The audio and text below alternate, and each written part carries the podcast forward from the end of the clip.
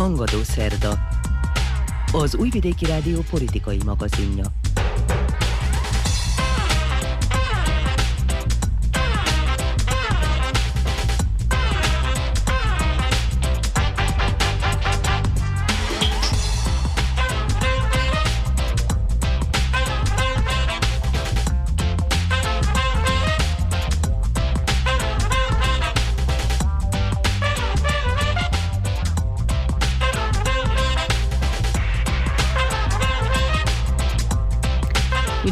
Hallgatóinkat a mikrofonnál Muci Szántó Márta. Az illetékes bizottságok közzétették a választási listákon szereplők végleges sorrendjét. Eközben az országos vezetés egyre súlyosabbnak nevezte Szerbia nemzetközi pozícióját, miután az Unió az integrációs folyamat részévé tenné a Belgrád és Pristina közötti informális megállapodás végrehajtását. Külpolitikai rovatunkban az idei nemzetközi klímacsúcs várható eredményeivel foglalkozunk, miután szakértők szerint a világ országai nem tesznek eleget az éghajlatváltozás megakadályozása érdekében. Egyebek mellett ezek lesznek a témáink, tartsanak velünk, már is kezdünk. A világ országainak összefogva kell fellépni a klímaváltozás jelentette katasztrófával szemben, jelentette ki Dubajban Alexander Vucic államfő, aki a szerbiai küldöttséget vezette az ENSZ 28. nemzetközi klímakonferenciáján. A köztársasági elnök jelezte, Szerbia új stratégiát dolgoz ki, amelyel nagyobb mértékben járul hozzá a 2050-ig megfogalmazott célok teljesítéséhez, hiszen korszakunk legnagyobb kihívásáról van szó. Vucic szerint országunknak a jelenlegi szint ötszörösére kell növelnie az úgynevezett zöld energiatermelés arányát, és folytatnia kell a foszilis üzemanyagok használatának csökkentésére irányuló munkát. Mindez jelentős pénzösszeg beruházását igényli, mondta. Az elnök az Egyesült Arab Emírségekben megrendezett konferencia keretében megbeszélést folytatott a NATO, a Nemzetközi Valuta Alap, illetve az ENSZ vezetőivel, de találkozott még a házigazda, majd India, Szlovénia, Dánia, Lengyelország, Magyarország és Ciprus képviselőivel, illetve vezetőivel is. A minap Belgrádban járt Giorgia Meloni olasz miniszterelnök is, aki megválasztása óta először utazott Szerbiába. Itteni tárgyalásain természetesen a kétoldalú együttműködés bővítéséről és Szerbia uniós felzárkózásáról folytatott megbeszélést. Ezen kívül szó esett még az időszerű globális válságokról is. Bocsics elnök annak a reményének adott hangot, miszerint a látogatás hozzájárul a kooperáció fejlesztéséhez. A két ország jelenleg évente valamivel több mint 4,5 milliárd euró értékben kereskedik egymással. Az államfő szerint ez tovább nőhet, miután a Stellantis vállalat Kragujevácon is megkezdi az új elektromos autómodell gyártását. Egyben köszönetet mondott, amiért Róma kitart Belgrád uniós csatlakozásának a támogatása mellett. Hasonlóan a jó kétoldalú viszony megerősítése volt a témája az azerbajdzsáni miniszteri szintű küldöttség belgrádi látogatása során. A hivatalos közlemény szerint a két ország hagyományosan jó kapcsolatai a kölcsönös bizalmon és a nemzetközi jog betartásán alapulnak. Alexander Vucic államfő kiemelte, hogy Belgrád elsősorban az energiaügyi és védelmi part érintő együttműködésben érdekelt, majd elégedettségének adott hangot, hogy rövidesen igénybe vehető majd a Bulgária és Szerbia közötti gázinterkonnektor, amelyen keresztül azeri földgáz is érkezik majd Szerbiába. A nemzetközi kapcsolatok építése mellett viszont tovább látszik romolni a Bulgáriával való viszony, amelyet előzőleg a szomszédos ország gáztranzitdíj emelése okozott, ami nap pedig Dél-Kelet-Szerbiában tartóztattak le egy olyan személyt, akit Bulgária javára való kémkedéssel gyanúsítanak. A vrányai ügyészség 30 napos elzárást rendelt el a 60 éves Boszilegrádi lakos ellen, akit a Biztonsági Információs Ügynökség és a rendőrség húzamosabb megfigyelő akcióját követően fogtak el. A gyanú szerint a férfi katonai és biztonsági titkokat fedett fel bolgár kapcsolatainak. A biztonsági témához kapcsolódik annak a hatósági összegzésnek a közzététele is, amely szerint a rendőrség egy év alatt csak a fővárosban több mint 2000 alkalommal tartott kutatást hamisnak bizonyuló bombariadók miatt, mint arról már több alkalommal is írt a sajtóország szerte oktatási intézményeket, közlekedési csomópontokat, bíróságokat, egészségügyi intézményeket és médiaházakat, köztük a vajdasági RTV-t is több alkalommal kellett kiüríteni, Miután ismeretlenek azt állították, hogy robbanó szerkezetet helyeztek el, a tetteseket eddig nem sikerült felelősségre vonni. Dani Zsolt összefoglalóját hallották, egy zeneszám után pedig folytatjuk a beszámolóit.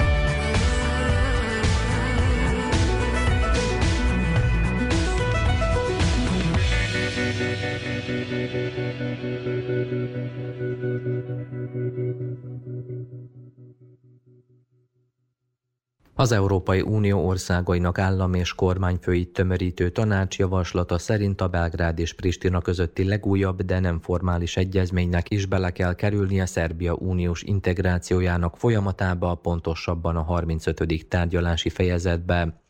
Az Unió tanácsa azt kéri a közösség bizottságától, hogy a következő csúcs előtt történjen meg az említett módosítás. Alexander Vucic államfő annak a reményének adott hangot, miszerint nem kerül sor a lépésre, annak ellenére, hogy az okridi egyeztetéseket követően elégedetten nyilatkozott az elért eredményről. A köztársasági elnök kiemelte, ha az egyezmény teljes egészében az integrációs folyamat formális részévé válna, az azt jelenteni, hogy az Unió országunk előtt becsukta a tagsághoz vezető ajtót. A témában jártas szakértők szerint az elképzelést nem kell nyomásgyakorlásként értelmezni, hanem egy megszokott procedúra részét képezi, amelyel Brüsszel nyomon akarja követni, hogy Belgrád milyen mértékben alkalmazkodik a felzárkózás folytatásához szükséges mércéket illetően. A belgrádi vezetés közben véglegesen megerősítette, hogy a decemberi szerbiai választásokat nem rendezik meg Koszovó területén, mert Pristina arra próbálta meg kihasználni a helyzetet, hogy függetlenségének közvetett elismerését eszközölje ki Belgrád részéről. Az itteni vezetés továbbá sérelmezte, hogy a kurti kormány nem hajlandó biztosítani az alapjogokat sem a szerb közösség számára. Az Európai Unió közleménye szerint Pristina álláspontja nem a párbeszéd szellemében hozott döntés, amivel hozzá lehetett volna járulni a kölcsönös bizalom kiépítéséhez. Brüsszel azt javasolta a koszovai hatóságoknak, hogy a korábbi évekhez hasonlóan ezúttal is tegye lehetővé a szerb közösség számára, hogy szülőföldjükön vegyenek részt a szerbiai választásokon. A pristinai kormány közben arról tájékoztatott, hogy Albin Kurti miniszterelnök hivatalában fogadta Csedomir Jovanovics szerbiai ellenzéki politikust, akivel a kapcsolatok jellegét tekintették át. A lépés minden bizonyal nagy politikai visszhangot kelt majd az itteni választási kampányban. Mint ismeretes, a balkáni ezen belül a koszovói biztonsági helyzet témaként szerepelt a nyugati országok tanácskozásain, így a NATO tagállamok külügyminiszterei kiemelték, hogy a szövetség aggódik a térségünkben uralkodó állapotok miatt. A KFOR béke fenntartó erőközleménye szerint a Bányszka településen történt incidenst követően a korábbi háromszorosára növelték a szerbek lakta északi régióban járőröző egységek számát. Egyben arra emlékeztettek, hogy október óta további ezer katonával növelték a misszióban szolgálók számát. A KFOR arra is kitért, hogy az elmúlt évtizedben ebben a pillanatban tartózkodik a legtöbb béke fenntartó Koszovóban. A misszió létszámát korábban folyamatosan csökkentették. A pristinai kabinet közben arról hozott döntést, hogy december közepéig hosszabbítja meg az eddig szerbiai rendszámmal közlekedő járművek bejegyzését. A rendőrség indoklása szerint erre a nagy érdeklődés miatt van szükség. Belgrád a korábbi hónapokban arra használta fel befolyását, hogy hátráltassa a folyamatot, de jelenleg nem fordít jelentős figyelmet a kérdésnek. Az ottani szerb közösség számára kedvező, de inkább szimbolikus hír, hogy a pristinai temetőben az eredeti helyére állították vissza a múlt század elején zajló háborúkban elesett szerb katonák emlékművét, amelyet november elején mozdítottak el a hatóságok miközben a koszovói vezetést teljes körű támogatásáról biztosította az ott tárgyaló brit Stuart Peach térségünkkel foglalkozó külön megbízott, addig az Egyesült Államok külügyminisztériuma ismét bírálatokat fogalmazott meg Pristinával szemben. Az amerikai diplomácia a globális terrorizmussal foglalkozó éves jelentésében azt sérelmezte, hogy a koszovói bíróságok továbbra is enyhe büntetéseket szabnak ki azokra, akiket terrorizmus elkövetésével vádolnak meg, továbbá, hogy több esetben szabadlábra helyezik az elítélteket. Washington szerint a terrorizmussal kapcsolatba hozott személyekkel szembeni hozzáállás biztonsági kockázatot jelent. A jelentés kiemeli, hogy a koszovói polgárok egyben nagyobb kockázatnak vannak kitéve, amikor a terrorszervezetek toborzási erőfeszítéseiről van szó. A Hágában működő különleges bíróság pedig eleget tett az ügyészség azon beadványának, miszerint korlátozni kell Hashim Tachi egykori koszovói elnök és társainak a külvilággal való kapcsolatát, mert a háborús bűnök elkövetésével vádolt egykori UCK parancsnokok felfedték a védett tanúk azonosságát, aminek következtében ezek nyomásgyakorlás áldozatai lettek. Csak te megint a világ közepén ringatóz a világ közepén. Csak te és én itt a világ közepén.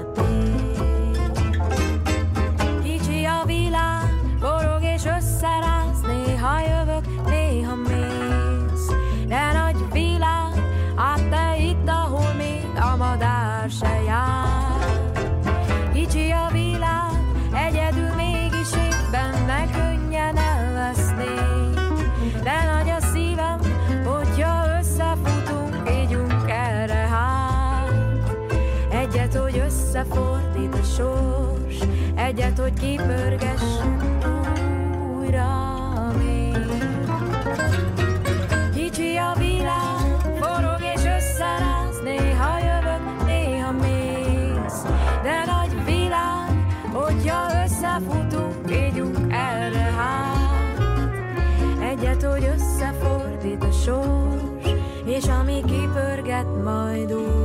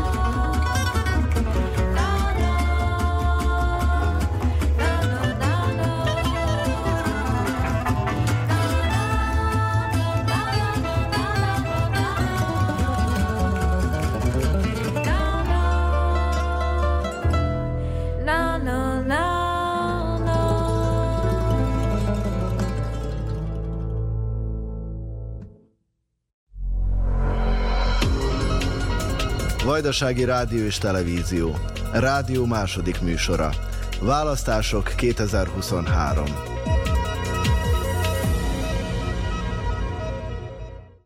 A Köztársasági Választási Bizottság összegzése szerint az országban 6 millió 500 ezer 165 szavazásra jogosult polgár van, ezért ennyi szavazólapot is nyomtatnak. Ez a szám viszont elég közel van a statisztikai hivatal népszámlálási adataihoz, amiből az következik, hogy az országban csak mintegy 140 ezer lakos nem rendelkezik szavazati joggal. Az illetékes bizottság véglegesítette a köztársasági parlamenti választáson résztvevő listák számát is. A polgárok a következő sorrendben feltüntetett 18 pártra, illetve szövetségre szavazhatnak. A szerb haladópárt vezette szövetség, a szerbiai szocialista párt koalíciója, a szerb radikális párt, a Nemzeti Összejövetel Szövetség, a NÁDA koalíció, a Vajdasági Magyar Szövetség, a Szerbia, az Erőszak ellen tömörülés, az Igazság és Kibékülés párt, a Demokratikus Akciópárt, az Együtt a Jövőért és Fejlődésért lista, a Néppárt, az Elég volt és a Szociáldemokrata Párt Szövetsége, az Albán Politikai Harc folytatódik nevű lista, Mi a Nép szava elnevezésű lista, a Szerbia nyugaton a szakértők álláspontja nevű lista, az Orosz Párt, a Muszáj másként lista, illetve az Albán Demokratikus Alternatíva lista, a Tartományi Bizottság 13 listát vett végleges nyilvántartásba, ezek sorrendje a szerb haladó párt, a szerbiai szocialista párt, a szerb radikális párt, az orosz párt, a NÁDA koalíció, a Vajdasági Magyar Szövetség, a Szerbia az erőszak ellenlista, a Horvátok Demokrata Szövetsége és a Szandzsáki Igazság és Kibékülés párt koalíciója, a Muszáj másként lista, a Néppárt, a Nemzeti Összejövetel, az Elég volt és a Szociáldemokraták listája, illetve a Vajdaságiak koalíció. A CERTA civil szervezet adatai szerint valamivel több mint 32 ezer külföldön élő polgár jelezte igényét a szavazáson való részvételre, ami 6 ezerrel kevesebb, mint az előző voksoláson. A külföldön élők a 35 országban kialakított 81 szavazóhelyen adhatják le voksaikat. Közben az Európai Parlament is megerősítette, hogy megfigyelő missziót küld az itteni választásokra. A hattagú csoport a jövő hét második felében érkezik, köztük lesz az uniós törvényhozás szerbiai és koszovói jelentéstevője is.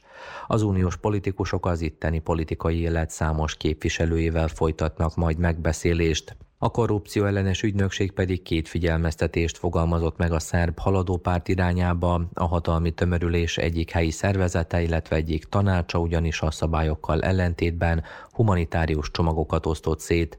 Az ügynökség szintén figyelmeztette a szerbiai szocialista pártot, amelynek egyik ismertebb tagja kávét és csokoládét osztogatott a polgároknak. A hivatal közben cáfolta, hogy leépítést hajtana végre, állítása szerint a hatékonyság növelése érdekében döntöttek az újraszervezés mellett, amelynek keretében mintegy 30 alkalmazott kerül másik beosztásba. Az elektronikus médiát felügyelő testület a REM pedig eljárást indított a Pink televízió ellen, amely György Miketic ellenzéki politikus ellopott magánfelvételét közölte adásában. A szerb haladó pártal minap Belgrádban tartott nagygyűlést, amelyen felszólalt Tomislav Nikolic a párt alapítója és egykori államfő is. A politikus szerint az országnak az eddigi irányt kell folytatnia, mert minden más választás a sors kísértése lenne. Elmondása szerint a párt nem mondott le egyetlen céljáról sem, amelyeket az alapításkor fogalmaztak meg. A hatalmi haladók közben egy inkább ellenzék irányultságú kezdeményezés hatására közismert polgárokat és szakértőket egybegyűjtő listát készít, akik a jelenlegi kormánykoalíciót támogatják. A szocialisták a napokban pedig elsősorban nem a kampányolással, hanem a fő koalíciós partnerrel való viszonyjal foglalkoztak, miután felvétel jelent meg egy dél-szerbiai helyi szocialista politikusról, aki egy haladókat sértegető dalt énekelt. A párt vezetése bocsánatot kért a haladóktól, majd azt közölte, hogy nem egy szocialistáról van szó, hanem egy hozzájuk csatlakozó civil kezdeményezés tagjáról, ám a sajtókutatások cáfolták ezt az állítást, arra mutatva rá, hogy valóban szocialista pártagról van szó. Ivica Dacic szocialista vezető kiemelte, hogy a felelőseket megbüntették és kizárták soraikból, majd hozzátette, hogy mindenkire ez vár, aki nem a párt politikájával összhangban jár el. Tosán Bajatovics alelnök a haladók hű partnerének nevezte a szocialistákat, de természetesnek tartja az időnkénti feszültségeket, hiszen, mint mondta, két tömörülés azonos szavazóbázist szólít meg. A szocialisták egyes vezetői korábban azzal vádolták a haladókat, hogy szavazóik elcsábításán dolgoznak. Pásztor Bálint a VMS megbízott elnöke arról nyilatkozott, hogy pártjának fő célja a parlamenti frakció, azaz az öt képviselő megőrzése. Meglátása szerint a VMS a nehéz időkben is jól teljesít, mert egy jól működő csoport vezeti. Reményei szerint folytatni tudják a haladókkal való eddigi együttműködést. Megismételte, hogy továbbra is vajdaság szélesebb körű hatásköreinek a törvényesítése mellett állnak ki. Az indói változtas mozgalom jelezte, hogy rövid idő alatt több mint ezer ellenzéki aktivista jelentkezett választási ellenőrképzésre, ezeket a képzéseket több településen meg is kezdték. A Szerbia az erőszak ellenlista képviselői azt üzenték a szavazóknak, hogy a hatalom nagyszabásúnak tűnő projektekkel igyekszik leleplezni, hogy mekkora mértékben csökkent a támogatottsága, aminek következtében veszélybe kerül az államadóság törlesztése, a lista azt is sérelmezte, hogy a hatalom a fővárosba fiktíven költöztetett több ezer szavazót, amivel az alacsony támogatottságát akarja ellensúlyozni. Az ellenzéki szövetség szerint az elmúlt napok történése is azt mutatják, hogy az erőszak csak a mostani hatalom bukásával szűnhet meg.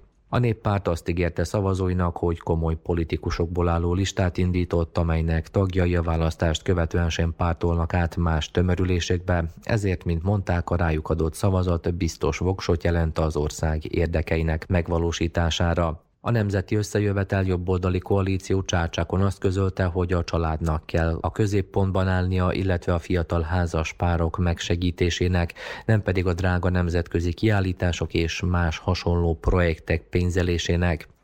A szövetség részét képező Dvéri kizárta annak lehetőségét, hogy a megmérettetést követően bármilyen szinten is együttműködjön a haladó párttal.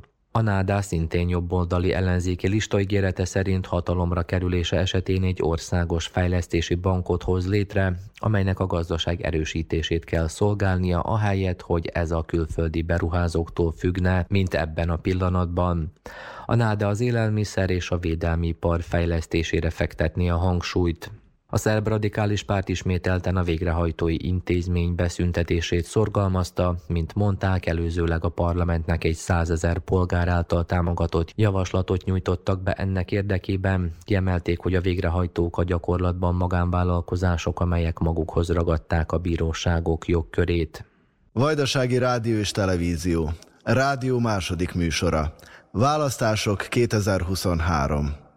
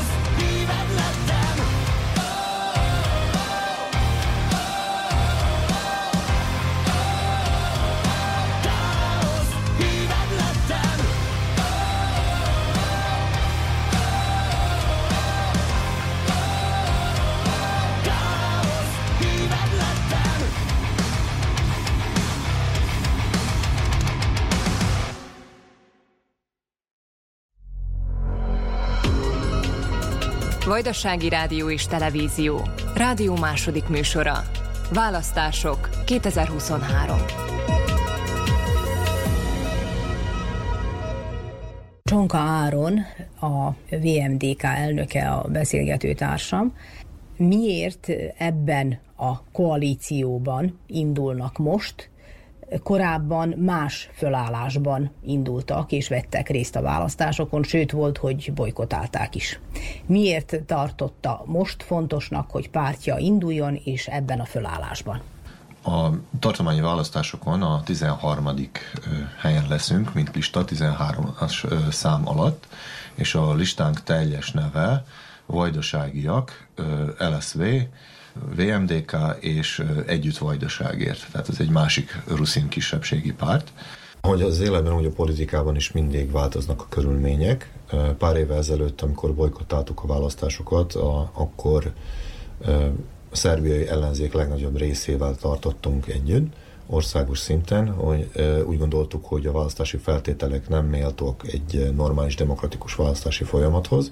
Most megváltoztak? Bizonyos értelemben igen, történtek nagyon apró talán előrelépések a szabályozásban, magában a procedúrában, viszont a média felületeken nem változott, sőt lehet mondani, hogy rosszabb is a hozzáférés a médiához az ellenzéknek, mint ami előtte volt, de nem marad más úgymond hátra számunkra, mint hogy megpróbáljunk küzdeni, hiszen látjuk, hogy a időközben az országot végig söpörte egy erőszakhullám, amit pontosan a hatalmi koalíció gerjeszt különböző médiáink keresztül, amelyeket gyakorlatilag ellenőriz, és az ő álláspontjukat ugye képvisel. Ezt próbáljuk valahol megállítani, az intézmények továbbra is megrogytak, nem működnek az intézmények, az összes hatalom egy embernek a kezében összpontosul. Ehhez csatlakozott még a gazdasági hanyatlás is, és egyáltalán a Szerbia, mint országnak a helyzete is visszafelé megy, az Európai Unió csatlakozás stagnál, és ezek mind olyan körülmények, amik így országos szinten nézve ösztönzően hatottak ránk, hogy megpróbáljunk ugye küzdeni ez ellen. Ezen felül számunkra ugye egy nagyon fontos dolog az is, hogy a népszámlálási adatok is megjelentek, és látjuk, hogy 70 ezerrel kevesebb magyar él már Vajdaságban. A mi véleményünk szerint nagy részben ennek a politikának is köszönhető, ami eddig folyt az országban, hiszen azok a hagyományos gazdasági ágazatok, mint a mezőgazdaság, amelyekkel a vajdasági magyarság legnagyobb része foglalkozik, vagy éppenséggel az egészségügyi szolgáltatás a kisebb településeken, falvakon, hiszen a vajdasági magyarságnak a 70%-a kisebb településeken, falvakban, községekben él, a körülbelül 30%-a él a nagyvárosokban. Ezek a fiatalok, életképes emberek, azok ott hagyják a falvakat és elmennek külföldre, vagy beköltöznek a nagyvárosokba, és így a hagyományos szálláshelyénk kiüresednek és ez mind annak a központosításnak, centralizációnak köszönhető, ami van az országban. Ezért döntöttünk úgy, hogy egy olyan politikai opciót próbálunk támogatni, közösen fellépni a választásokon, amely Vajdaságért, mint régióért, mint egy autonóm tartományért küzd, és hasonlóak a céljaik, mint nekünk is, tehát hogy a döntéshozatal az minél közelebb kerüljön az emberekhez, az önkormányzatokba, tartományi szintre, és hogy azokat a problémákat, amelyek minket érintenek, megpróbáljuk itt megragadni, és megpróbáljuk itt megoldani. Mi tárgyaltunk másokkal is, akik ebben a politikai szintéren ugye vannak, ellenzéki oldalról beszélek. Igen, igen. Sajnos azok, ezek a politikai célok iránt nem mutattak kellő tiszteletet sem, nem fordítottak rá kellő figyelmet, inkább belgrádi szem, szempontból nézték ők is ezeket a folyamatokat, amik vannak az országban, és így nem tudtunk egy platformra kerülni.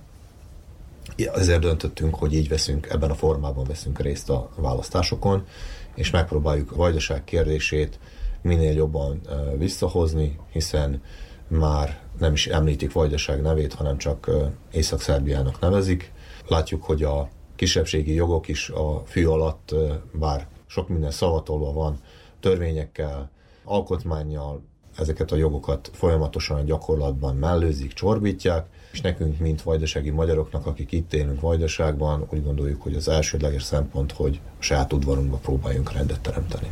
Az a benyomás, hogy tulajdonképpen a tartományi választások mintha kevésbé lennének fontosak köztársaságinak az árnyékában vannak, és a belgrádi választások árnyékában vannak. Igen, a média sajnos nem fordít kellő figyelmet erre. Sajnálom azt, hogy akár a vajdasági közmédia, vagy pedig olyan médiumok, amelyek akár magyar nyelven is ugye tudósítanak, és ementi alapításúak, de viszont közfeladatokat látnak el, hogy azok nem tartották fontosnak, hogy akár vitákat szervezzenek meg azok a politikusok között, akik részt vesznek a választásokon, és különböző álláspontokat képviselnek.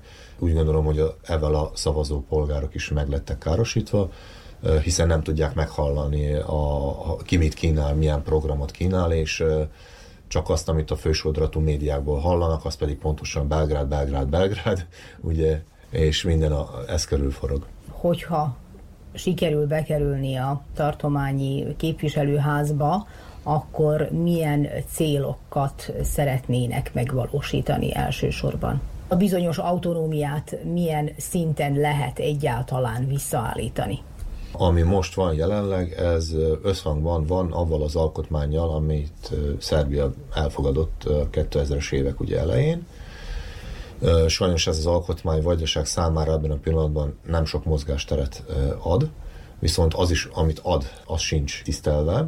Az a 2 százalék, ami... Ez, ez igen, tehát ez ilyen matematikai számításoknak a kérdése. Valaki azt mondja, hogy igen, mert ebbe beleszámolja azokat a transfereket, amelyek csak átfutnak a vajdasági költségvetésen, mint az, az oktatásban, vagy az egészségügyben dolgozóknak a bérei. Mi pedig azt mondjuk, hogy ez nem elegendő, tehát hogy abból a részből kellene átutolni ezt a 7%-ot, amely a fejlesztésekre vonatkozik. Ha ez vajdaságba eljutna, akkor sokat több kórházat, iskolát, vasutat, de azt nem mondhatja, hogy ezek tudnánk. nem épülnek, tehát azért újítanak föl egészségházakat is, épül a vasút, az autópálya is épül, tehát utak is épülnek, ezt Igen. nem mondhatjuk, hogy nem történik semmi azért. Nem mondhatjuk, hogy nem történik semmi, de azért nézzük meg. Például itt van Újvidéknél, hiszen Újvidéken beszélgetünk most ezekről a dolgokról, itt van például a Tarcal hegységben az alagút, tehát az is már hány mandátumon keresztül épül, és hogyha mindannyian ez a tizen pár év alatt megfogtunk volna egy lapátot és egy csákányt, elkezdtük volna ütni, verni azt a, az alagutat, akkor már rég át, átfúrtuk volna a tarcalt, tehát még mindig nincsen kész.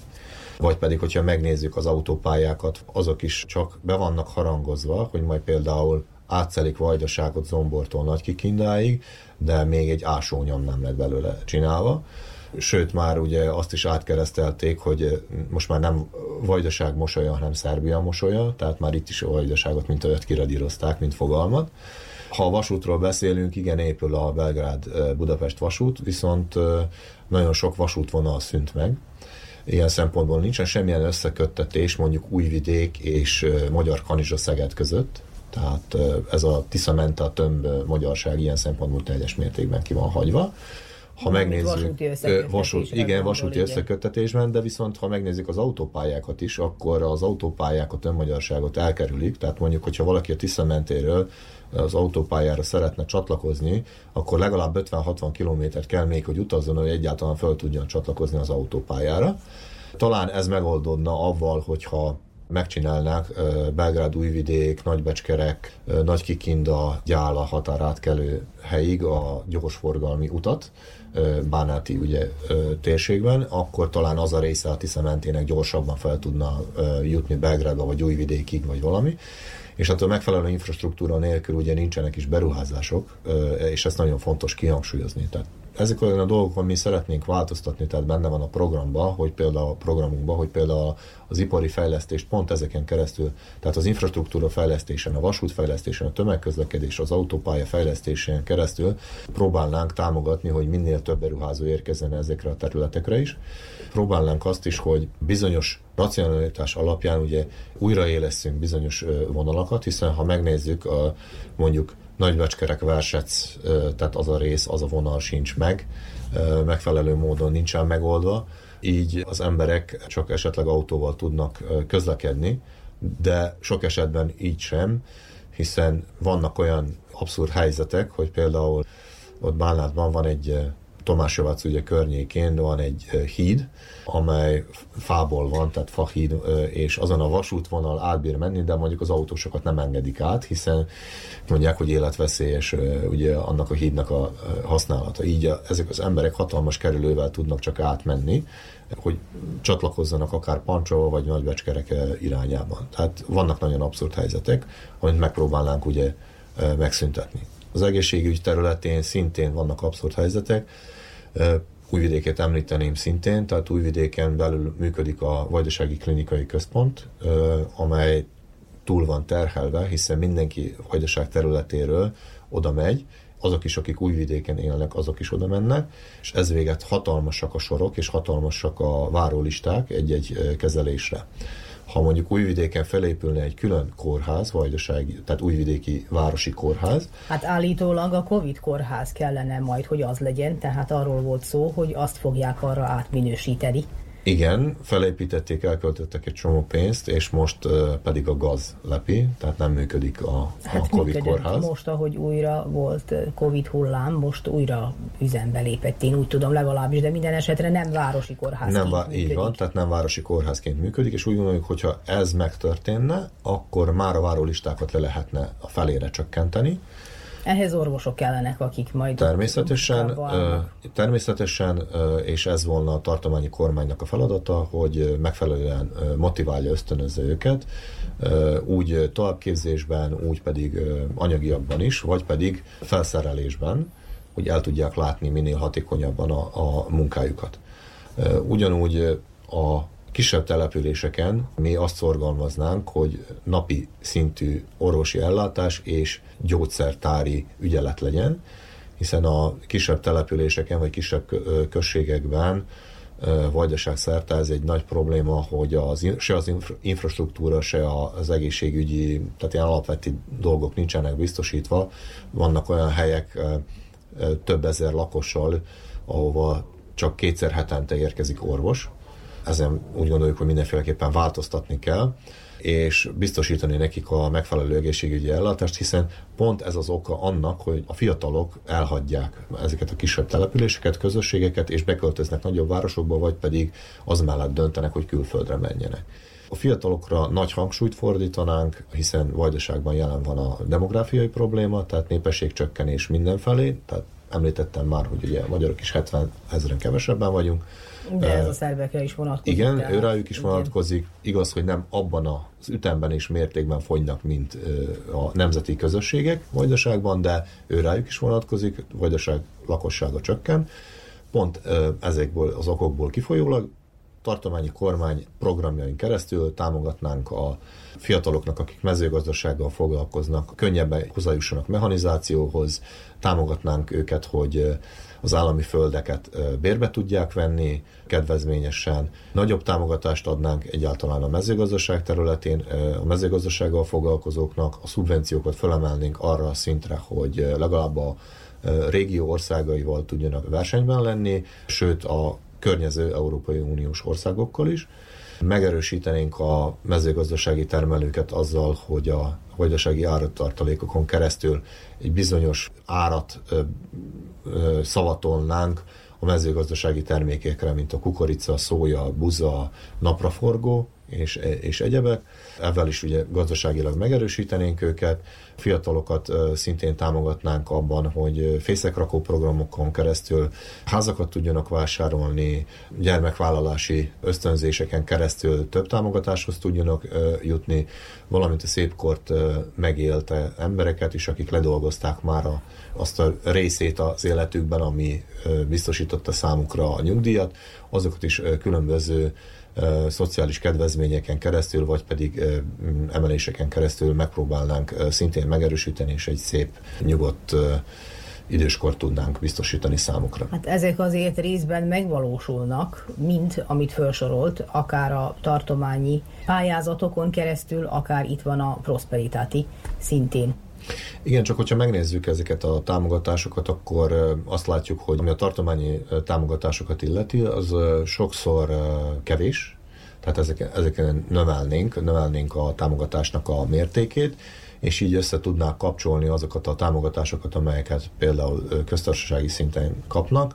Ehhez még jönnének ezek a támogatások, az úgynevezett szubvenciók, hogy talán így érthetőbb legyen, hogy miről beszélünk valamint ezek a programok nincsenek megfelelő módon szétosztva, tehát hogyha megnézzük regionális szempontból is odafigyelnénk, hogy minden régióba vajdaság szerte jusson ezekből a programokból, mert sokszor megtörténik az, hogy például a házvásárlási pályázatok, nem tudom, főleg újvidék környékét, vagy pedig szerémséget célozzák meg, és akkor mondjuk annyira nem jut minden a Tisza mentére, vagy más ugye, vagy Nyugat-Bácskába, vagy Észak-Bácskai régióba, vagy válságba. Tehát ezt megpróbálnánk, hogy hiszen a vajdasági statútum is azt írja elő, hogy vajdaság fejlődése megfeleljen a regionális ugye, megoszlásnak, tehát ezt megpróbálnánk ugye így kiigazítani valamint ha már a prosperitációról beszélünk, a prosperitációnak is vannak bizonyos igen támogatások. A prosperitáti támogatásoknak van egy nagy hátulütője. Ha megnézzük, hogy az embereket kötelezik arra, hogyha valaki támogatást kérvényez, kivéve a házvásárlásit, inkább a mezőgazdasági támogatásokra összpontosítanák most, vagy pedig mechanizációnak a beszerzésére, akkor azokat kötelezik, hogy például 5 éven keresztül bizonyos integrátoroknak szállítsák le ugye a termésüket. Nekünk olyan visszajelzések jöttek, hogy ezek az integrátorok alacsony árat adnak, és így, hogyha papírra vetik, hogy ők mennyit fektettek be, mennyi volt az értéke annak, amit a Prosperitáti pályázaton keresztül beszereztek, és hogy mennyit kell nekik úgymond leadni azon az öt éven keresztül, akkor a maguk a termelők azt mondják, hogy akkor mínuszban vannak és úgy gondoljuk, hogy ez egy nagy hátulütője ennek a, ennek a támogatási rendszernek. Ezen természetesen változtatni kell. Mi úgy gondoljuk, hogy ebben a pillanatban is a, a tartományi pályázatok kedvezőbbek, mint a prosperitáti pályázatok, viszont a támogatás mértéke kevesebb. Azon kellene dolgozni, hogy minél nagyobb összeg legyen, és minél több ember használni tudja ezeket a pályázatokat. Ha mezőgazdaságról beszélünk, akkor szintén van egy ilyen visszajelzésünk, hogy például vannak ugye a nagy gazdák, viszont vajdaságban még mindig vannak kis és középtermelők, akik nem tudnak hozzájutni ezekhez a támogatásokhoz, hiszen korlátozva van, hogy hány hektártól vagy mekkora földterülettől lehet megpályázni. Mi ezt lejjebb vinnénk, ezt a határt, hogy a kicsik is úgymond hozzájussanak ehhez, annál is inkább, mert a parcellák is szét vannak tagozódva, kisebb parcellák vannak, viszont ezeket a parcellákat organikus termelésre lehetne használni, ami egy hatalmas iparág világszerte, Európában is, és az organikus termelés támogatását is megnövelnénk, hogy azok a családok is, akik kevesebb földterülettel rendelkeznek, igaz, hogy kézmunkával, nagyobb odafigyeléssel kell, hogy megtermeljék azokat a termékeket, amiket utána el tudnak adni, viszont azok minőségi termékek vannak, és nagyobb értéket tudnának kapni értük, így a bevételi forrásaik is nagyobbak volnának, és ilyen módon tisztességes megélhetést tudnának biztosítani saját családjaiknak és a saját közösségüknek is. Ehhez hozzátartozik egy nagyon fontos dolog, amit a listánk képvisel, az pedig, hogy Vajdaság számára adóreformot kell végrehajtani. Ez az adóreform az arra vonatkozna, hogy azok a cégek, mezőgazdasági kombinátok, amelyek Vajdaság területén vannak, de a székhelyük Belgrádban vagy más szerbiai városokban vannak regisztrálva, azok ne ott fizessék az adót, hanem itt Vajdaságban fizessék az adót, és ennek az adónak a 50%-át a helyi közösségeknek, a kisebb településeknek a fejlesztésére céleszközként szigorúan arra fordítanánk, azoknak az embereknek is, akik nem a nagyvárosokban élnek, megfelelő és méltó életkörülményeik legyenek. Ezen felül tehát nem csak mezőgazdasági kombinátok, hát, hanem ugye például itt vannak a itt van a NISZ kérdése is, vagy az elektrovojvodina, most már elektroszerbia kérdése is, akik mind-mind ugye nem itt adóznak, hanem másfelé.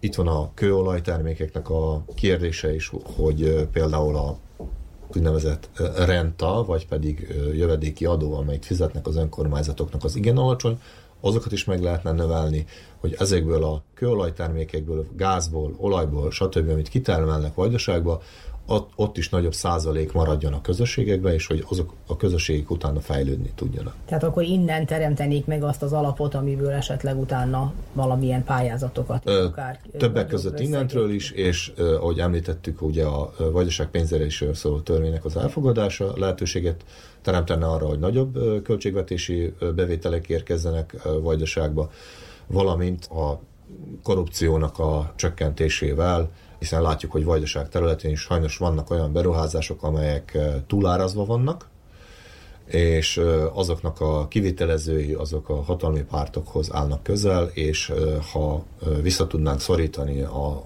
korrupciót, amely ebből a forrásból ered, akkor azok az eszközök is megmaradnának a költségvetésben, és azt is megfelelő irányba tudnánk mozgósítani.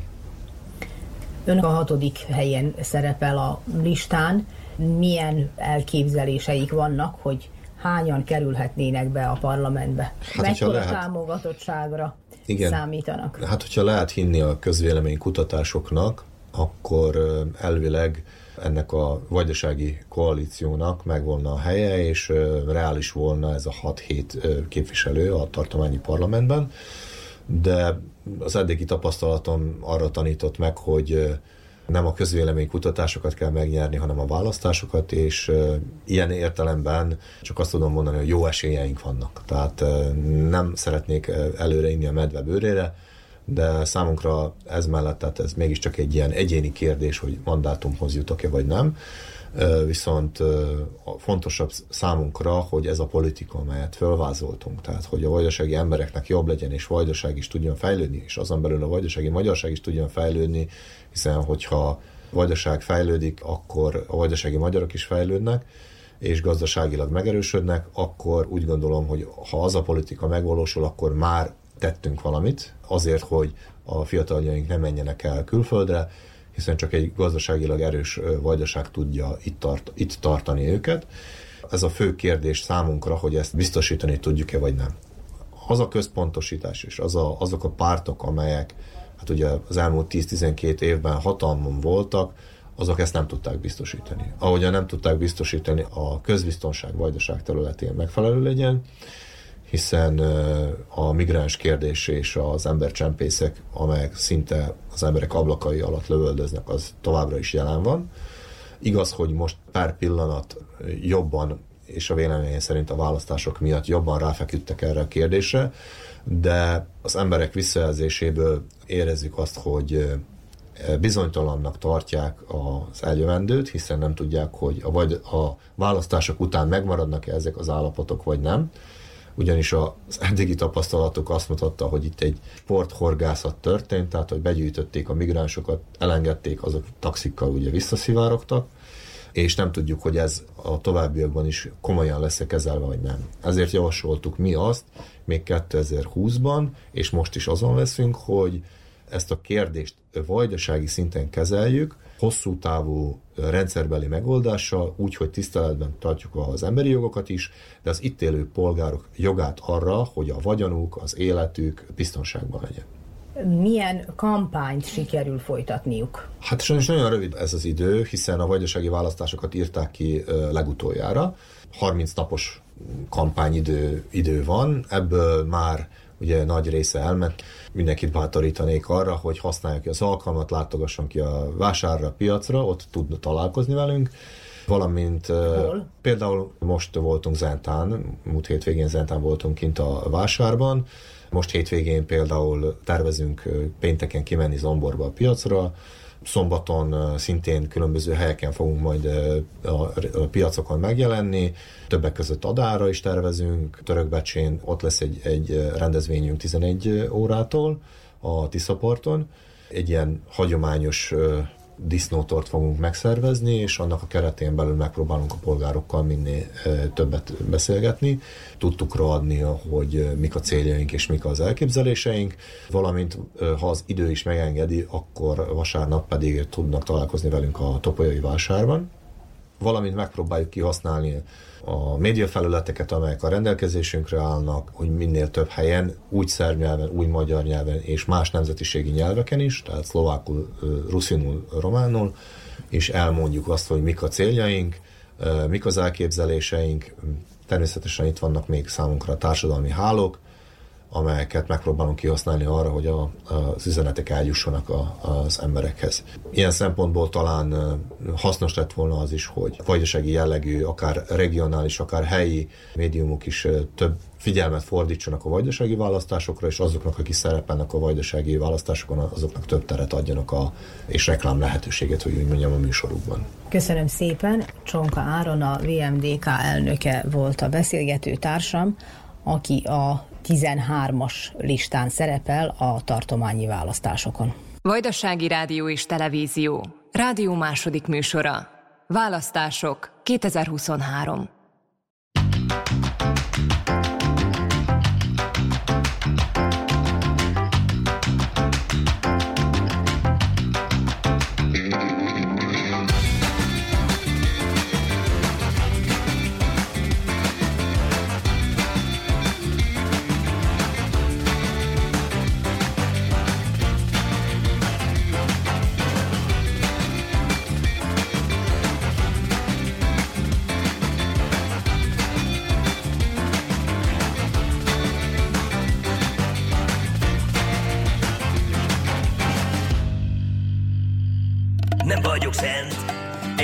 sem vagy az, van, aki játsza keményed, de senki se az. Mindenki közelít, ha megszülték a halálhoz. Csak az a biztos, hogy végül meg is találod. Ez az a hely, ez az a hely, és ez a ló, te se vagy kivétel, ahol a gyerekek hamar feladják, pedig még tudják, hogy mi az a mennyország. Itt vagyok én, és itt vagy te, és ez így is jó,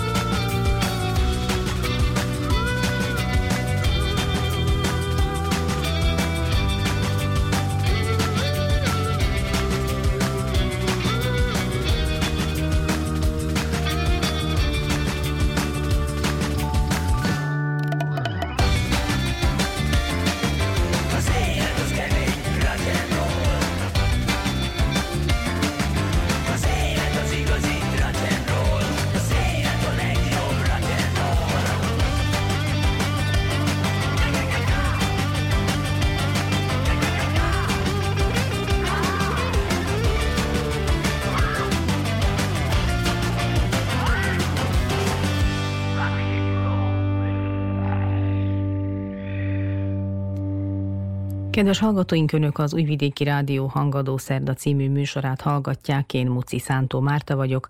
Beszélgető társam az elkövetkező percekben Öreg Anna, aki a Szerbia az erőszak ellen Miroslav Alexic és Marinika Tépics jelölt listán szerepel a 17. köztársasági választáson. Vajdasági Rádió és Televízió. Rádió második műsora. Választások 2023.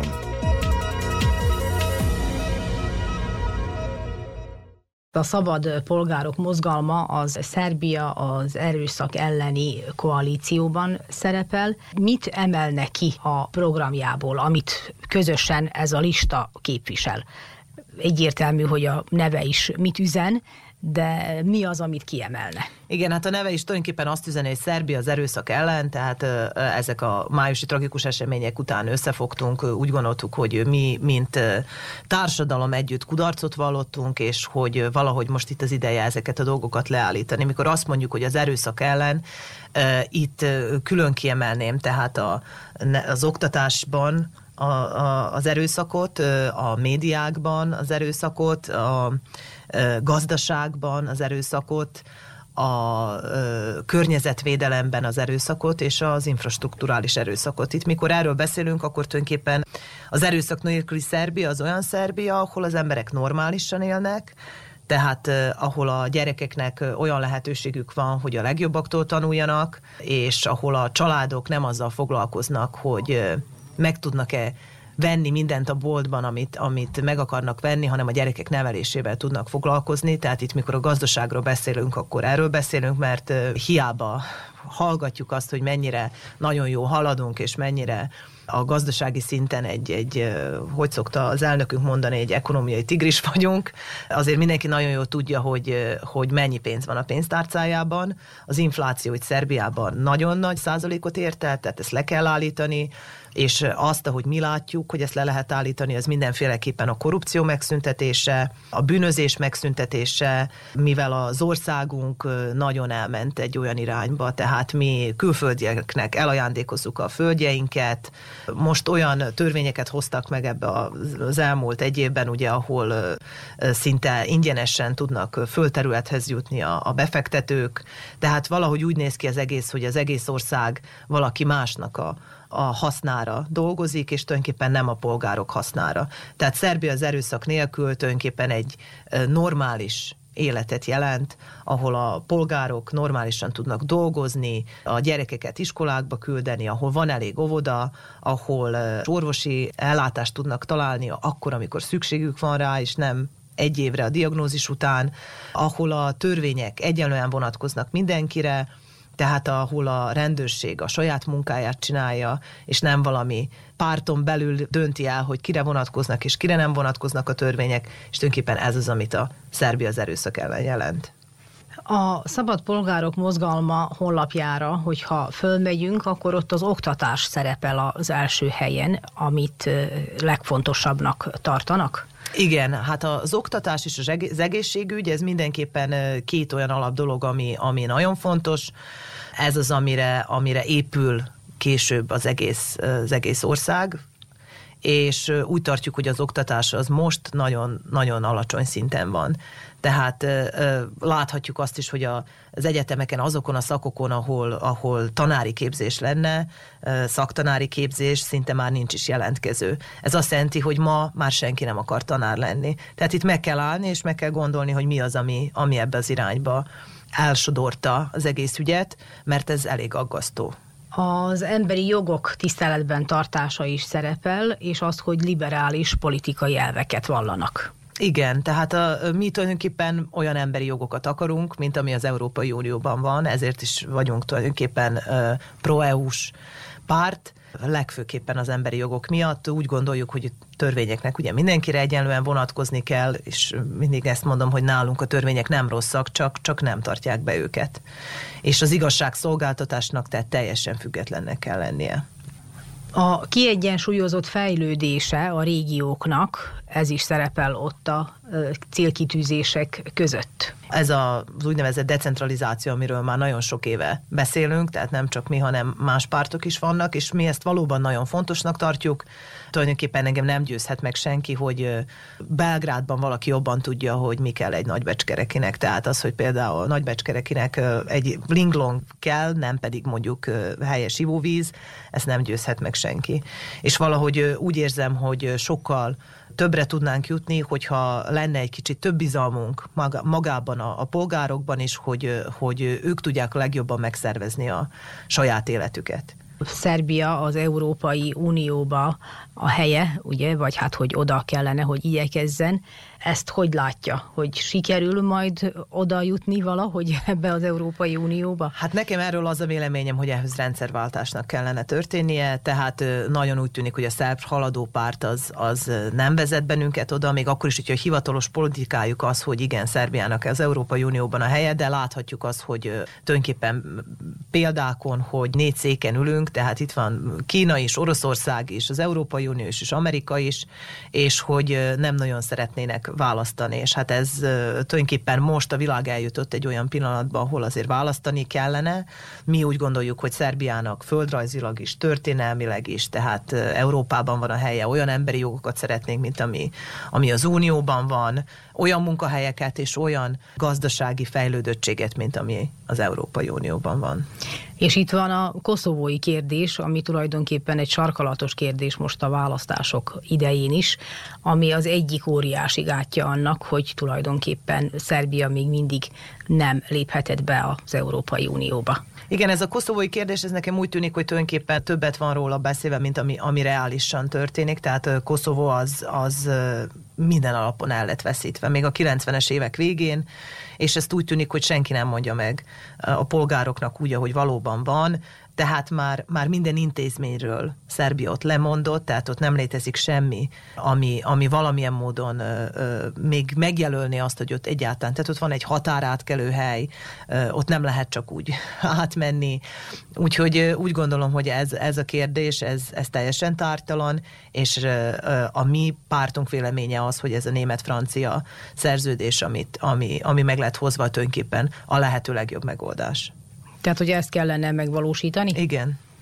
Mi az, amit kiemelne a köztársasági parlamenti munkájából az első mandátum alatt, tehát ez a másfél év alatt? Hát tulajdonképpen ez egy nagyon rövid mandátum volt, ugye egy évig tartott, meg hát amit esetleg kiemelnék, hogy nem volt egyetlen egy rendesülésünk se, hanem mindig egy ilyen rendkívül ülésünk volt, ami azt jelenti, hogy egy nappal előbb megjön a meghívás, és egy ilyen 40 pontos napirend áll előttünk, ahol ezt, ezt szinte nem lehetett lekövetni és hát az a véleményem, hogy erről az intézményről, amit tulajdonképpen a törvényhöző hatalom legmagasabb intézménye, úgy tűnik, hogy egy ilyen valóságsót csináltak, ahol, ahol tulajdonképpen nem foglalkozunk azzal, amiért ott vagyunk. Az ellenzék sorában nem mondhatnánk, hogy teljes összefogásban, ugye nem sikerült azért egy teljes összefogott ellenzéket állítani a hatalmi koalícióval szemben, Hát azért nagyjából sikerült, itt tulajdonképpen az, ami, ami különáll, az a jobb oldal, tehát ezek a nacionalista pártok, tehát ők nem indultak velünk, az összes többi párt az tulajdonképpen egy, egy koalícióban van, és úgy láttuk, hogy ez most ebben a pillanatban jó döntés, ami nem jelenti azt, hogy választások után nem lehet koalíciót alkotni a jobb oldallal is, viszont nagyon fontos erőt megmérni, hogy, hogy azért a pro-EU-s pártok, vagy a, a oldali, ugye pro-orosz pártok milyen erőviszonyban vannak, mert nekünk az a véleményünk természetesen, hogy azért mégiscsak a pro-EU-s pártok erősebb, erősebb százalékot fognak elérni, mint a, mint a oldali de akkor jól értettem, hogy a jobboldaliakkal készek koalícióra is lépni akár? Természetesen hogyha ez, ez lehetne hatalmat egy, lehetne, jelent. Igen, hogyha ez hatalmat jelent, ez lehetne egy technikai koalíció, ahol tulajdonképpen felszabadítanánk a médiákat, ahol felszabadítanánk az igazságszolgáltatást, az ügyészséget, és ahol megpróbálnánk egy kicsit rendbe tenni az egész rendszert, tehát felszabadítani az egész országot ettől az erőszaktól, és akkor indulhatunk egy egészen más hangulatban, egy új választásokra, ahol egész más témák is, ahol valószínűleg témákról fogunk beszélni, mert ez most tulajdonképpen, ami, ami most történik, ez a lenni vagy a nem lenni kérdés, tehát eljutottunk odáig, hogy, hogy egyszerűen dönteni kell, hogy megengedjük, hogy Szerbia tovább haladjon ebben a bűnözői, korruptív hangulatban, vagy pedig erre most pontot tetszünk, és, és ezen változtatunk. Mit üzen a választóknak? Választóknak azt üzenem, hogy december 17-én menjenek ki szavazni, hogy mindenki szavazzon úgy, ahogy ezt jónak látja, hogy ne engedjék meg, hogy bárki megfélemlítse őket, hogy nagyon fontosnak tartom azt, hogy, hogy mindenki elmenjen és bekeretezzen valakit, akit, akit jónak lát. Vajdasági Rádió és Televízió. Rádió második műsora. Választások 2023.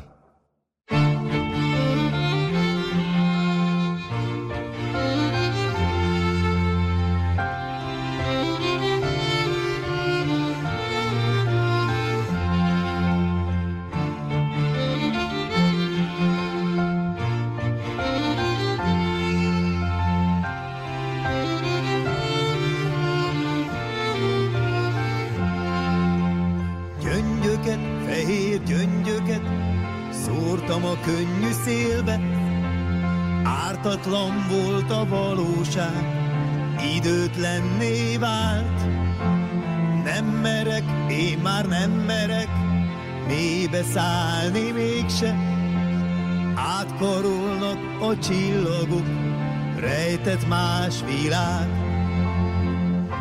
Én kimondom a neved, bárki van most veled, ha kimondom a neved, még annyi minden lehet.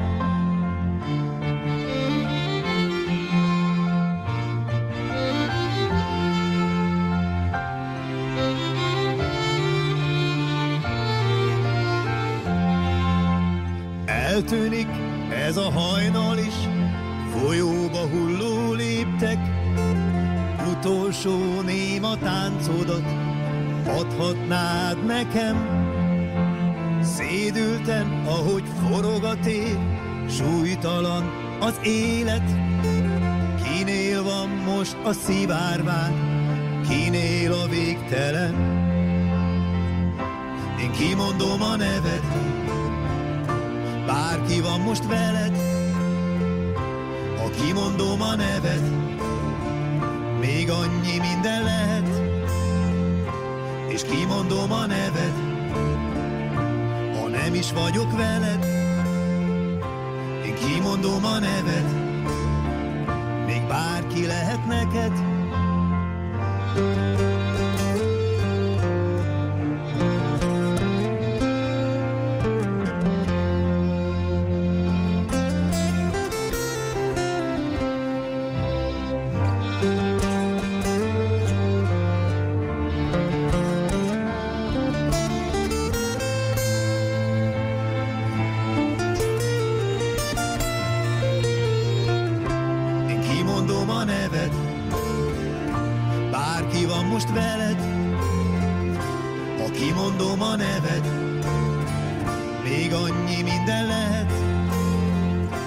és kimondom a neved, ha nem is vagyok veled, én kimondom a neved, még bárki lehet neked, én kimondom a neved,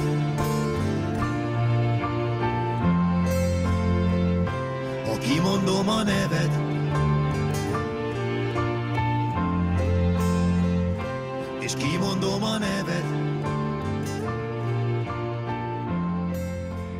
A Magyar Nemzeti Tanács oktatási stratégiájának tervezetében újdonságként szerepel a középiskolások egyszeri támogatása, a szakkollégiumi rendszer, valamint a középiskolai központok erősítése, illetve bővítése, és egy tankönyv kiadó létrehozása is.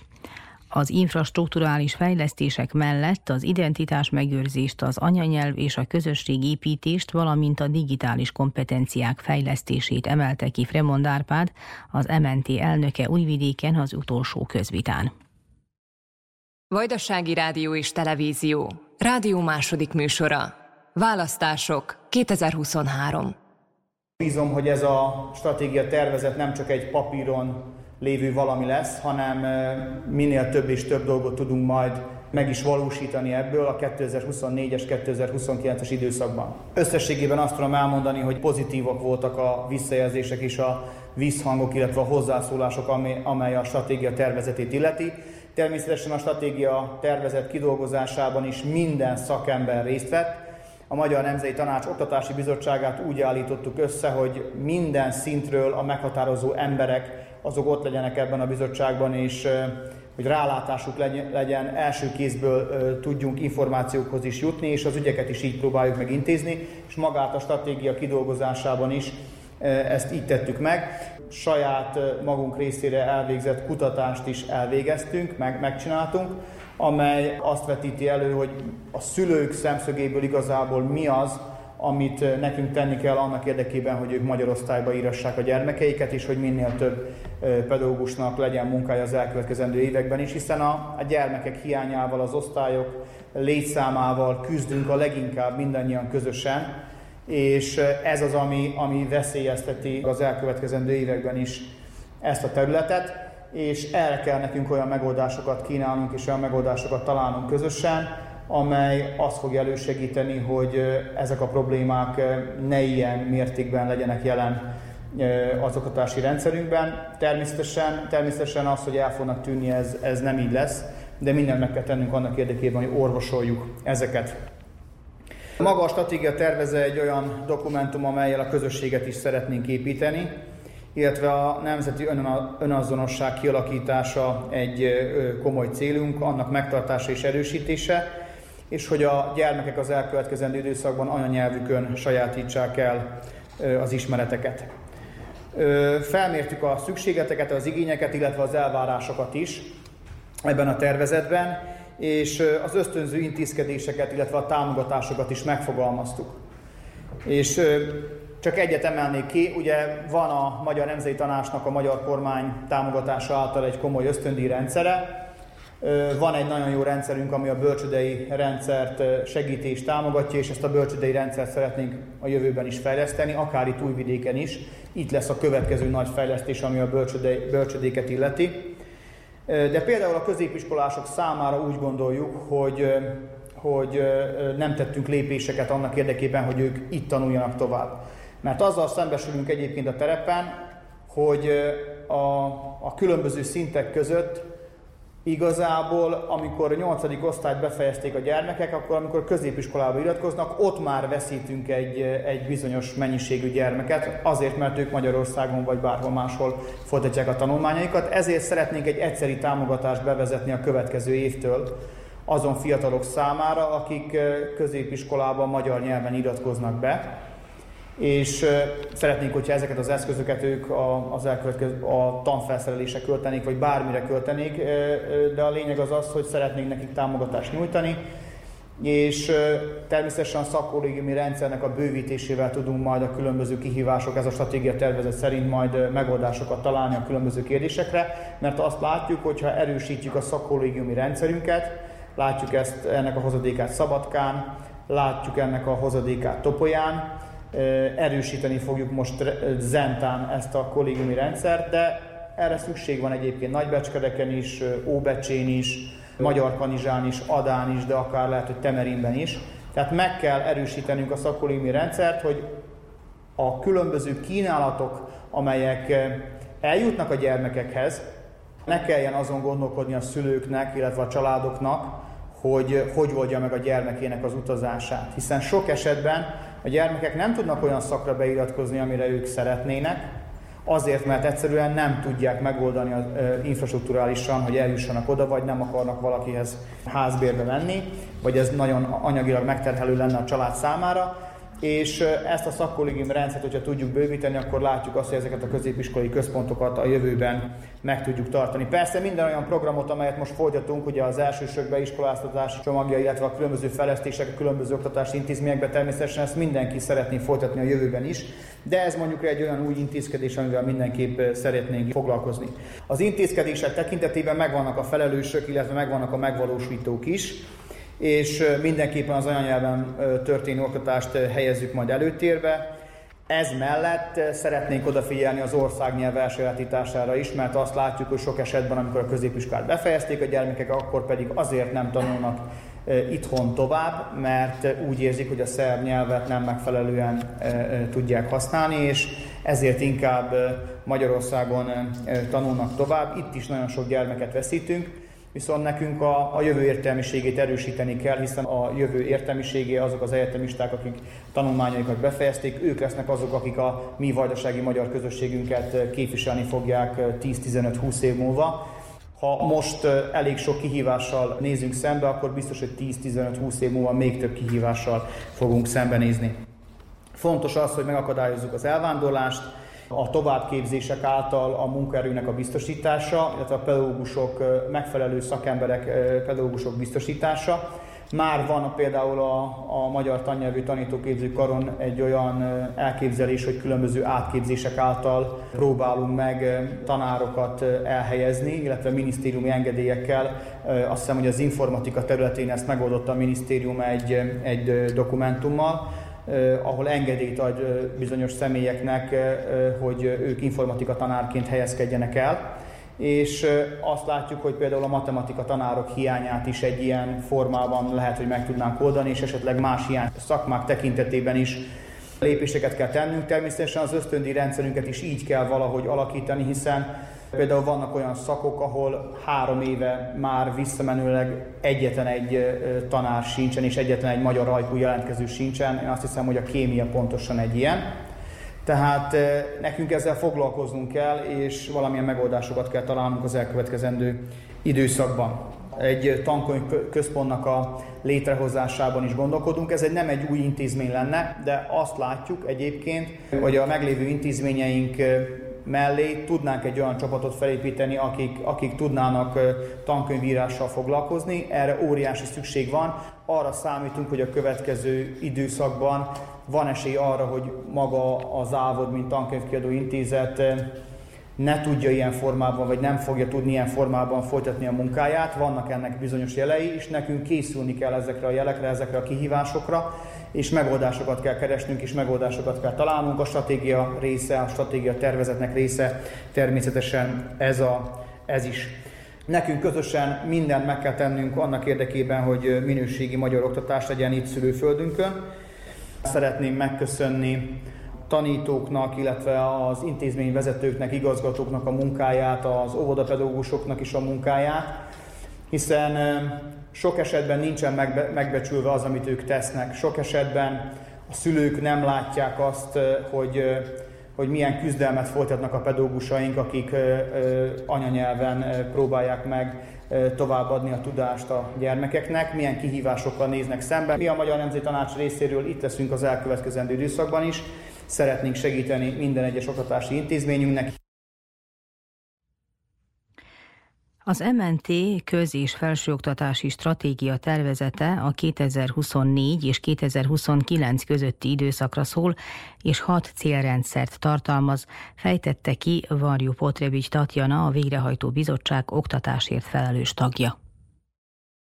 A vajdasági magyar oktatás jövőképét a nevelés és az oktatás egyensúlyában látjuk, mégpedig felkészült és megbecsült oktatók közreműködésével, korszerű pedagógiai módszerek alkalmazásával és modern infrastruktúrával, hiszen ez teszi lehetővé, hogy a magyar fiataloknak vonzó legyen, és felkészüljönek a 21. század kihívásaira úgy, a munkaerőpiaci, a technikai kihívásokra és a, egyáltalán a 21. század társadalmi kihívásaira.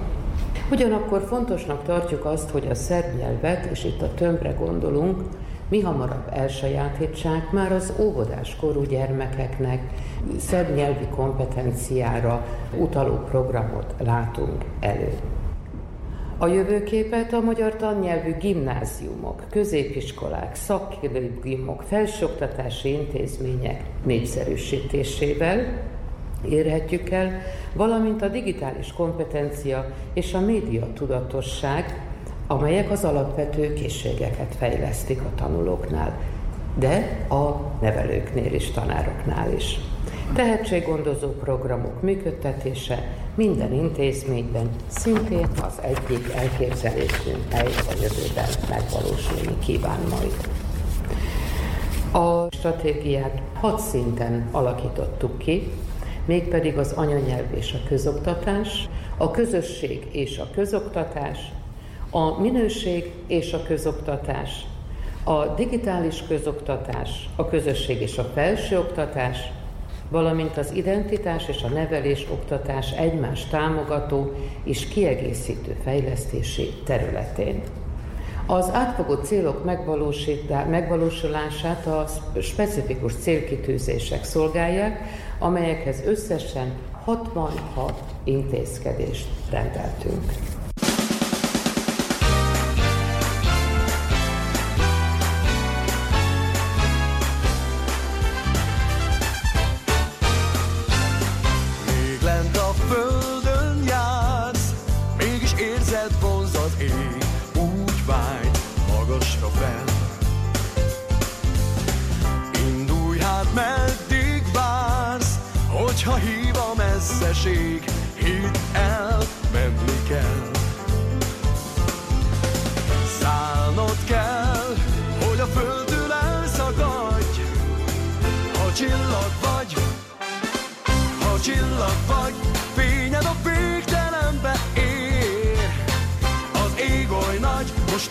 Is vár. Te csillag vagy, utad ma az álmokról mesél.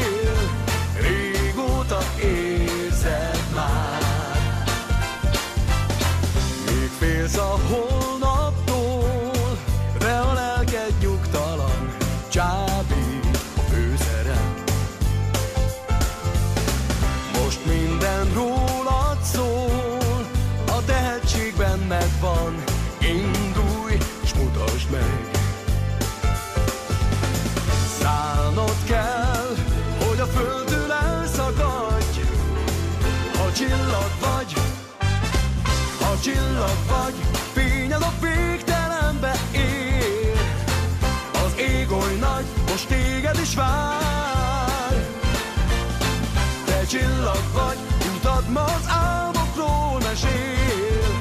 Régóta érzed már. Ha csillag vagy, fényed a végtelenbe ér.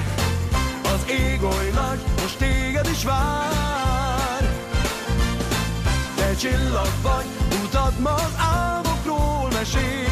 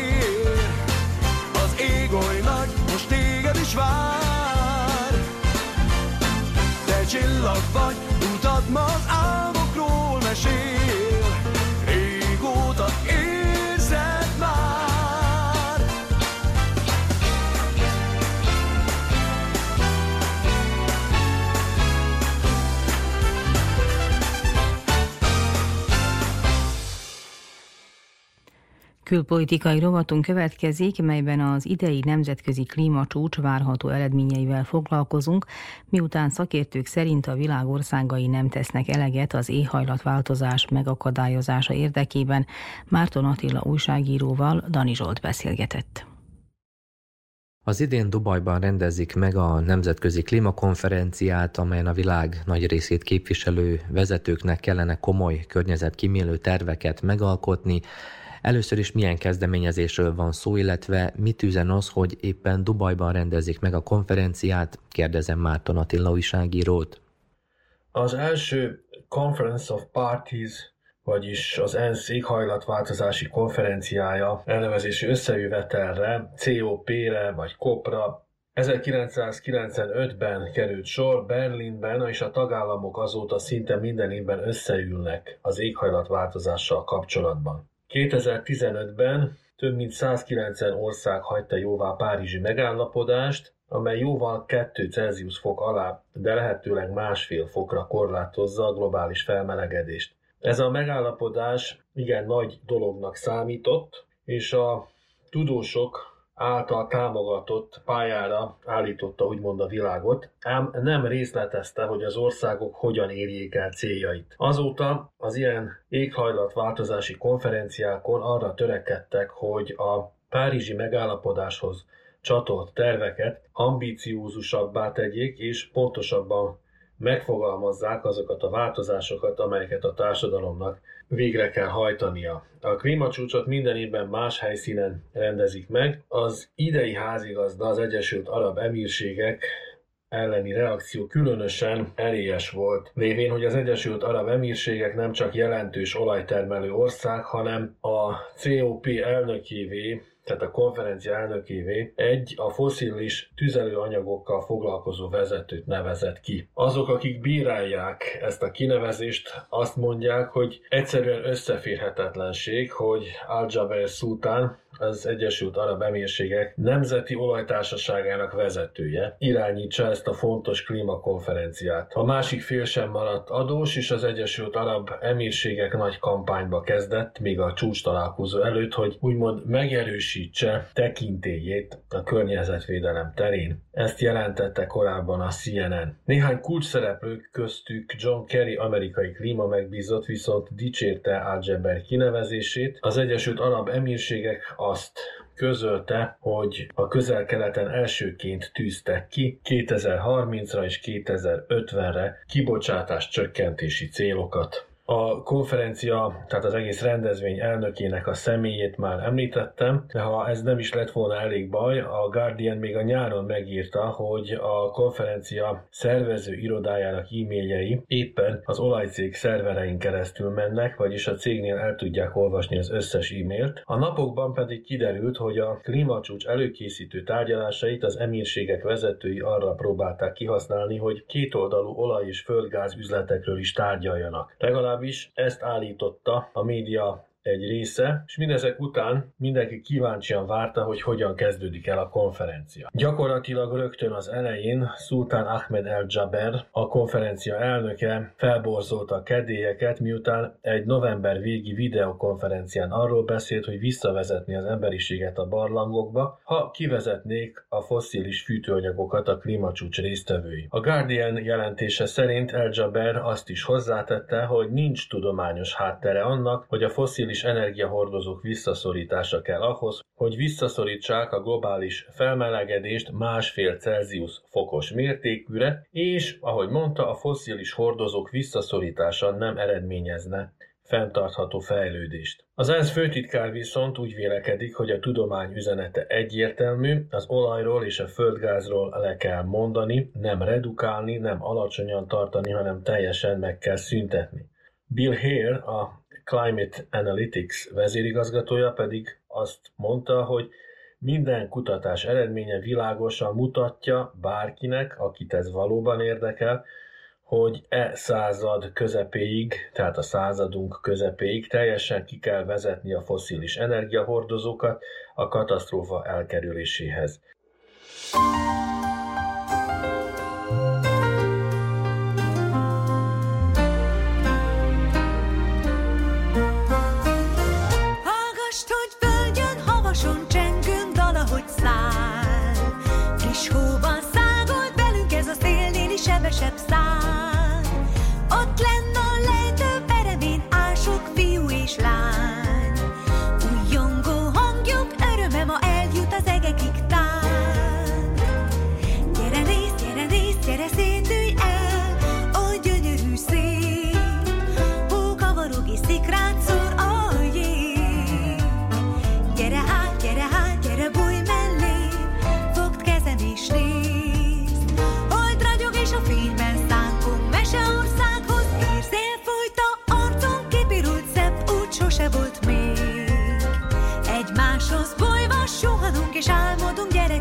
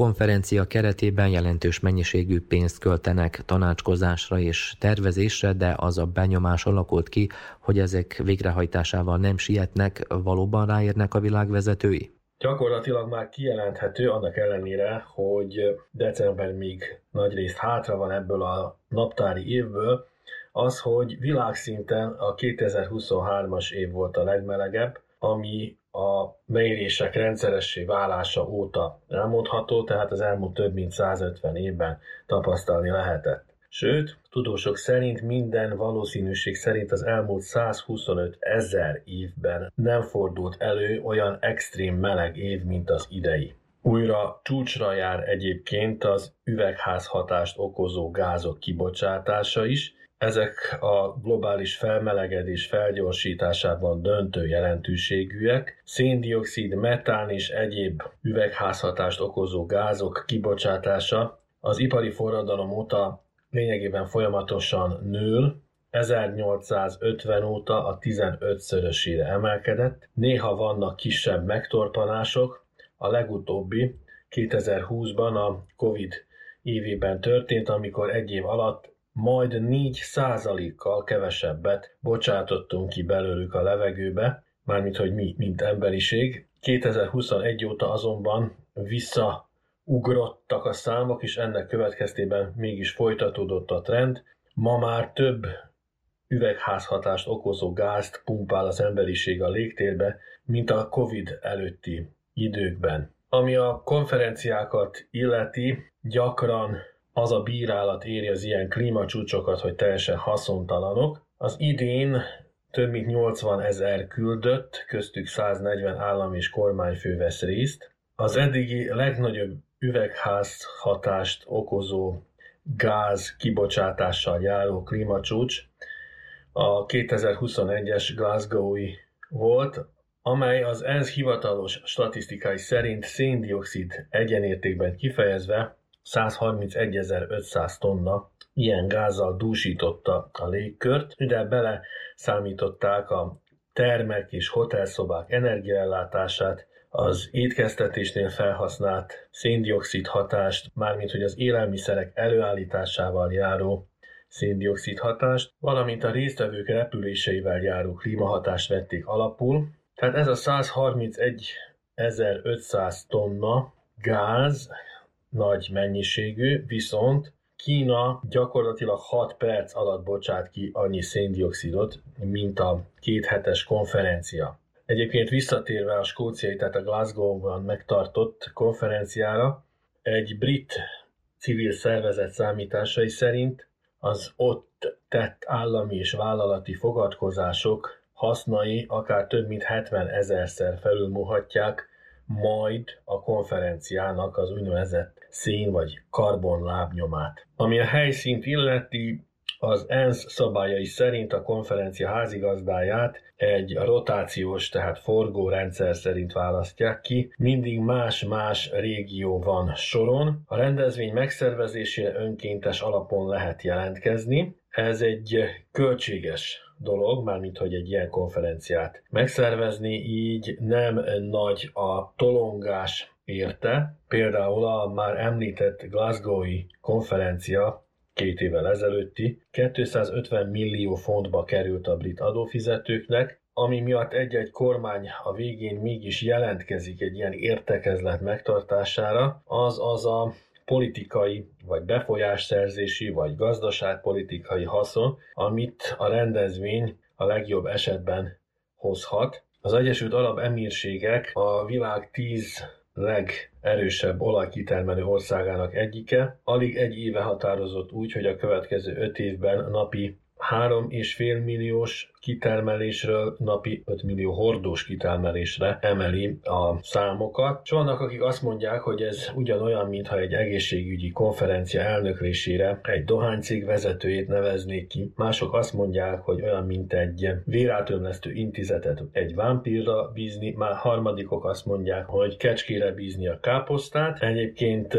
nem az emírségek az első ország, amely problematikus. Házigazdaként például 2010-ben Katar fővárosában rendezték a COP-t, és az élén az akkori kőolajügyi miniszter volt. Lengyelország az elmúlt 15 évben háromszor is rendezett ilyen konferenciát, már pedig Lengyelország szénfüggő. Igaz, nem a szénbányák vezetői, hanem az éppen aktuális környezetvédelmi miniszterek voltak az elnöklők. Nem lesz semmi baj, ne félj, ne harcolj, csendes butha légy, az arcodon nem láthatják, ez semmiség.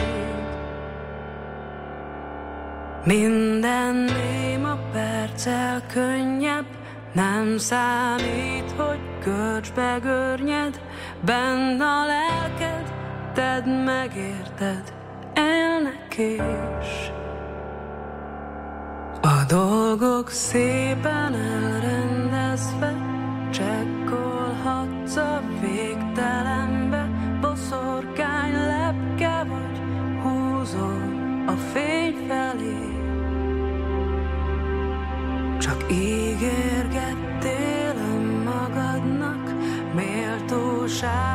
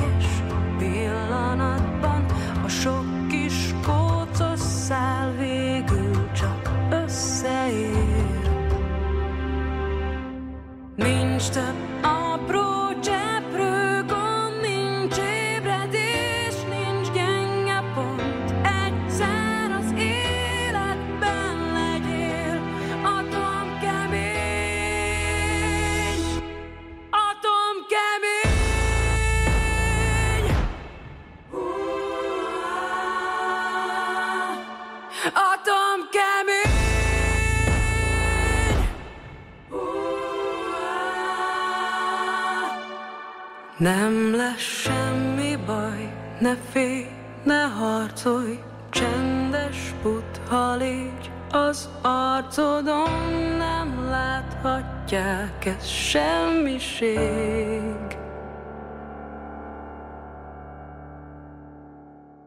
Kedves hallgatóink, ez volt az Újvidéki Rádió Hangadó Szerda című műsora.